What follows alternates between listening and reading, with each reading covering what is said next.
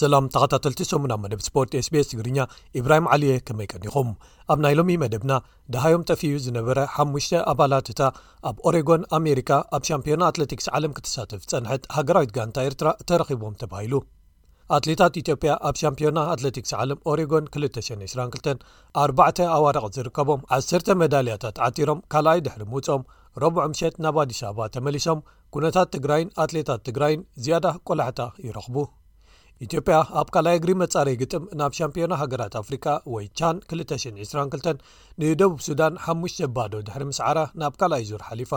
ኤርትራዊ ኮኸብ ተቐዳዳማይ ቢንያም ግርማይ ድሕሪ ሻምፒዮና ኤርትራ ንፈለማ ግዜ ኣብ ዓለም ለኻዊ ቅድድም ተሳቲፉ ኣብ ሳልሳይ መድረኽ ካልኣይ ወጺኡ።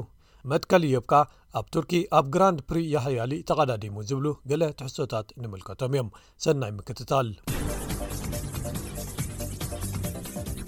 ቅድድም ብሽክለታ ግራን ፕሪ ያህያሊ ሰንበት ኣብ ቱርኪ ተኻይዱ ብዓወት ዩክራይናዊ ኦሌክሳንደር ፕሬቫርህ ካብ ጋንታ ስፖር ቶቶ ሳይክሊን ቲም ተዛዚሙ ኣብቲ ናይ ሓደ መዓልቲ ቅድድም ኤርትራዊ መትከል እዮብ ካብ ጋንታ ተረንጋኑ ፖሊጎን ሳይክሊን ቲም መበል 36 ደረጃ ሒዙ ተሳትፉ ዛዚሙ ብካልእ ወገን ኤርትራዊ ኮኸብ ተቓዳማይ ቢንያም ግርማይ ሻምፒዮና ኤርትራ ድሕሪ ምዕዋቱ ንፈለማ ግዜ ዝሳተፈሉ ቅድድም ብሽክለታ ኤትያስ ቱርዲ ዋሎኒ ዝሓለፈ ረቡዕ ብዓወት ብሪጣንያዊ ኣባል ጋንታ ኣልፐሲን ዱቸኒንክ ሮበርት ስታናርድ ተዛዚሙ ኣባል ጋንታ ኢንተርማርሽ ወንቲ ጎቤ ማርተርዮ ዝኾነ ቢንያም ኣብ ሳልሳይ መድረኽ ካልኣይ ብምውፃእ ዝበለፀ ውፅኢት ከመዝግብ እንከሎ ኣብ ራብዓይ መድረኽ ከኣ ዝድነቕ ሓምሻያት እዩ እንተኾነ ቢንያም ኣብ ናይ መወዳእታ መዓልቲ ውድድር ቅድድሙ ከጠናቐቕ ከም ዘይከኣለ ክፍለጥ ተኻኢሉ ኣሎ ኢትዮጵያ ኣብ ካልይ እግሪ መጻረይ ግጥም ናብ ሻምፒዮና ሃገራት ኣፍሪቃ ወይ ቻን 222 ንደብ ሱዳን ሓሙሽ ሸባዶ ብድሕሪ ምስዓራ ናብ ካልይ ዙር ሓሊፋ ኣላ ኣብቲ ቀዳማይ እግሪ ግጥም ብዘይሽቶ ማዕረ ድሕሪ ምፍላያን ኢትዮጵያ ዝሓለፈ ሓሙስ ክትሓልፍ ዓወት ከተመዝግብ ከም ዝግባኣያ ፈሊጣ ኣትያ ብዙሓት ዕድላት እንተምከነት እኳ ብመንገዲ ረመዳን የሱፍ ኣማንኤል ገብረ ሚካኤል መስዑድ መሓመድን ይገዙ ቦጋለን ኣቢላ ኣርባዕተ ሽቶታት ከተመዝግብን ከላ ተኸላኸላይ ደቡብ ሱዳን ፒተር መከር ባዕሉ ናብ ልዳቱ ዘመዝገባ ኩዕሶ ከኣ ሓምሸይቲ ኮይና ዝቕፅል ግጥም ሃገራዊት ጋንታ ኢትዮጵያ ኣንፃር ሩዋንዳ እዩ ካብ ክልተኤን ሃገራት ዝተዓወተት ካብ ማእከላይ ምብራቕ ዞን ኣፍሪቃ ብምሕላፍ ኣብ ቻን 222 ክትሳተፍ እያ ኣልጀርያ ነቲ ውራይ ሻምፒዮና ሃገራት ኣፍሪቃ ወይ ቻን 222 ኣብ ጥሪ 223 ከተእንጉደ እያ እዚ በቶም ኣብ ውሽጢ ሃገር ዝፃወቱ ተፃወቲ ጥራይ ዝሳተፍሉ ግጥማት ኮይኑ ኣብ ተርታ ዓለም ሃገራት ፊፋ ግን ኣበርክቶ ዘለዎ እዩ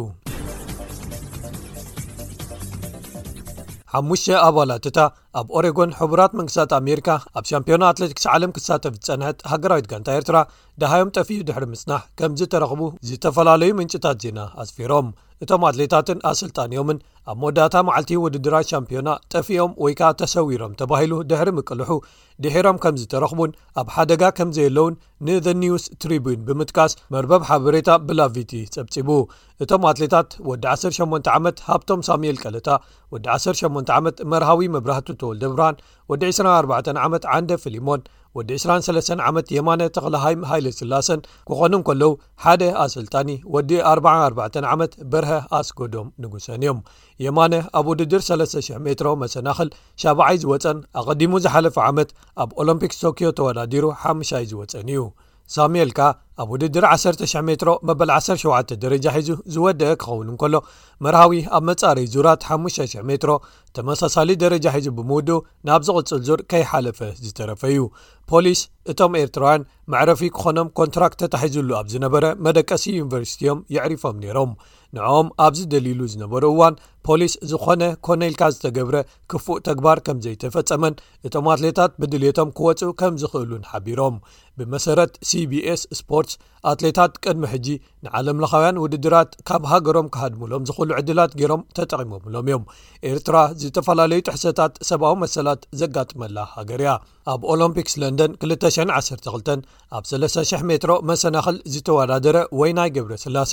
ድሕሪ እቲ ውራይ ብሰንኪ ሕማቓት ሓዛ ሰብኣዊ መሰላት ኣብ ኤርትራ ኣብ ለንደን ክተርፍ መሪጹ እዩ እንተኾነ ግን እዚ ናይ ሕጂ ክስተት ምጥፋእ እዞም ኣትሌታት ምስቲ ኣብ ኤርትራ ዘሎ ዅነታት ዝተኣሳሰር ድዩ ኣይኰነን ፖሊስ ከም ዘየረጋገጹ እቲ ጸብጻብ ኣስፊሩ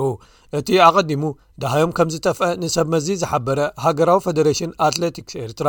እቶም ኣትሌታት ምስ ሃገራዊት ጋንትኦም ንጥፈታቶም ይቕጽሉ ኣለዉ ክብል ከም ዝሓበረ እቲ ጸብጻብ ወሲኹ እንተዀነ ግን ኣስማቶም ሕጂ እውን ኣብቲ ዝጠፍኡ ሰባት ተመዝጊቦምሉ ዘለዉ ዝርዝር መርበባት ሓበሬታ ግዝኣት ኦሬጎን ከም ዘሎ ይጥቀስ ኣሎ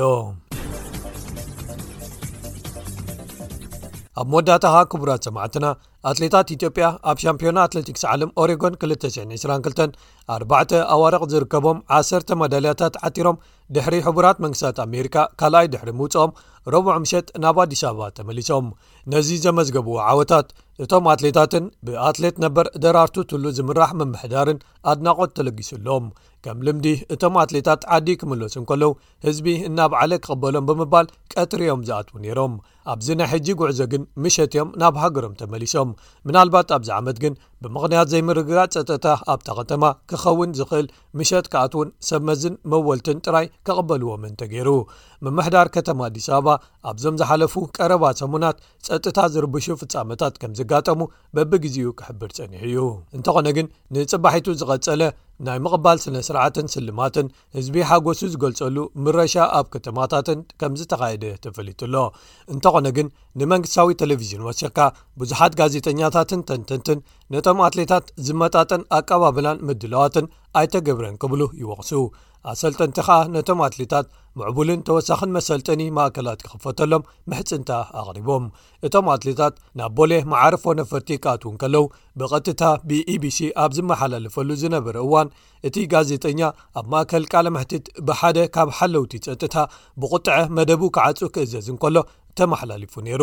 ብኻልእ ወገን ጉዳይቶም ሰለስተ መዳልያታት ወርቂ ካብቲ ኣርባዕተ ንኢትዮጵያ ዘምፅኡ ኣትሌታት ትግራዎት ምዃኖም ጉዳዮም ቆላሕታ ክስሕብ ገይርዎ ኣሎ ብመሰረት ብሰይፈ ገብረ መስቀል ኣብ መርበብ ኣዲስ ስታንዳርድ ዝወፀ ሓደ ሓተታ እቶም ኣትሌታት ካብ ዝኣትዉ ገለ መዓልትታት ሓሊፉ ክነሱ ገና ብቐጥታ ብቴሌፎን ይኹን ብቪድዮ ምስ ስድራኦም ኣብ ትግራይ ክራኸቡ ኣይተፈቐደሎምን ዘሎ ናብ ትግራይ ከይዶም ክርእዎም እውን ዝኾነ መደብ ዘሎ ኣይመስልን እቶም ኣትሌታት ብተወሳኺ ነዚ ህልው ኩነታት ብዝምልከት ሓሳቦም ብነፃ ክገልፁ ከም ዘይክእሉ ግሉፅ ኮይኑኣሎ ኣብ ሓደ ኣጋጣሚ ጉዳፍ ፀጋይ ጋዜጣዊ ዋዕላ እናሃበት እንከላ ንትግራይ ብዝምልከት ንዝቕረበላ ሕቶ ብሓደ ካብቶም ኣስተርጎምቲ ኮይኑ ዝዓይ ዝነበረ ሓላፊ መልሲ ካብ ምሃብ ተኸልኪላ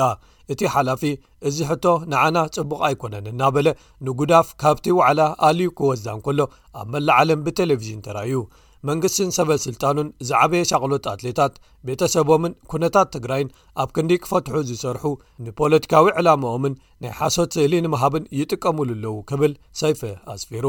ኣትሌት ጎቲቶም ገብረ ስላሰ ርክባት ቴሌፎን ናብ ትግራይ ነይሩ እንተዝኸውን ምስ ተዓወትኩ ቀዲመ ነደይ ምደወልኩላ ኢላ ምስ ቪኦኤ ኣምሓርኛ ኣብ ዘካየደቶ ቃለ መሕትት ዝገለጸቶ ብምጥቃስ እዞም ዓወታት ንኹነታት ዕፅዋ ትግራይን ኩናት ምምዝባልን ዕንወትን ናብ ቅድሚት ወፂኡ ቆላሕታ ክረክብ ሓጊዙ እዩ ክብል ሰይፈ ኣስፊሩ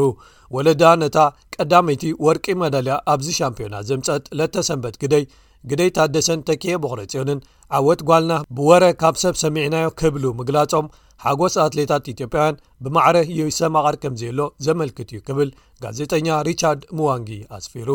ኣብ ኦሬጎን ተቃውሞም ዘስምዑ ዝነበሩ ተወለድቲ ትግራይ ኢትዮጵያውያን እውን ነዚ ኩነታት ወለዲ ለተሰንበት ብጭርሖታት ብምቅላሕ ኩነታት ትግራይ ፍታሕ ክግበረሉ ጸዊዖም ፕሬዚደንት ኣትለቲክስ ኢትዮጵያ ደራርቱ ቱሉ ኣብቲ ስነ ስርዓት ኣቀባብላ ኣትሌታት ካብ ትግራይ ቤተሰባቶም ክረኽቡ ዕድል ከም ዘይረኸቡ ብምዝኽኻር ንፕሬዚደንት ሳሃለ ወርቂ ዘውዴ ሚኒስቴራትን ካልኦት ሰበስልጣንን ነዚ ጉዳይ ብዕቱብ ክፈትሕዎ መጸዋዕታ ከም ዘቕረበት እውን ብሰፊሑ ተጸብጺቡ ኣሎ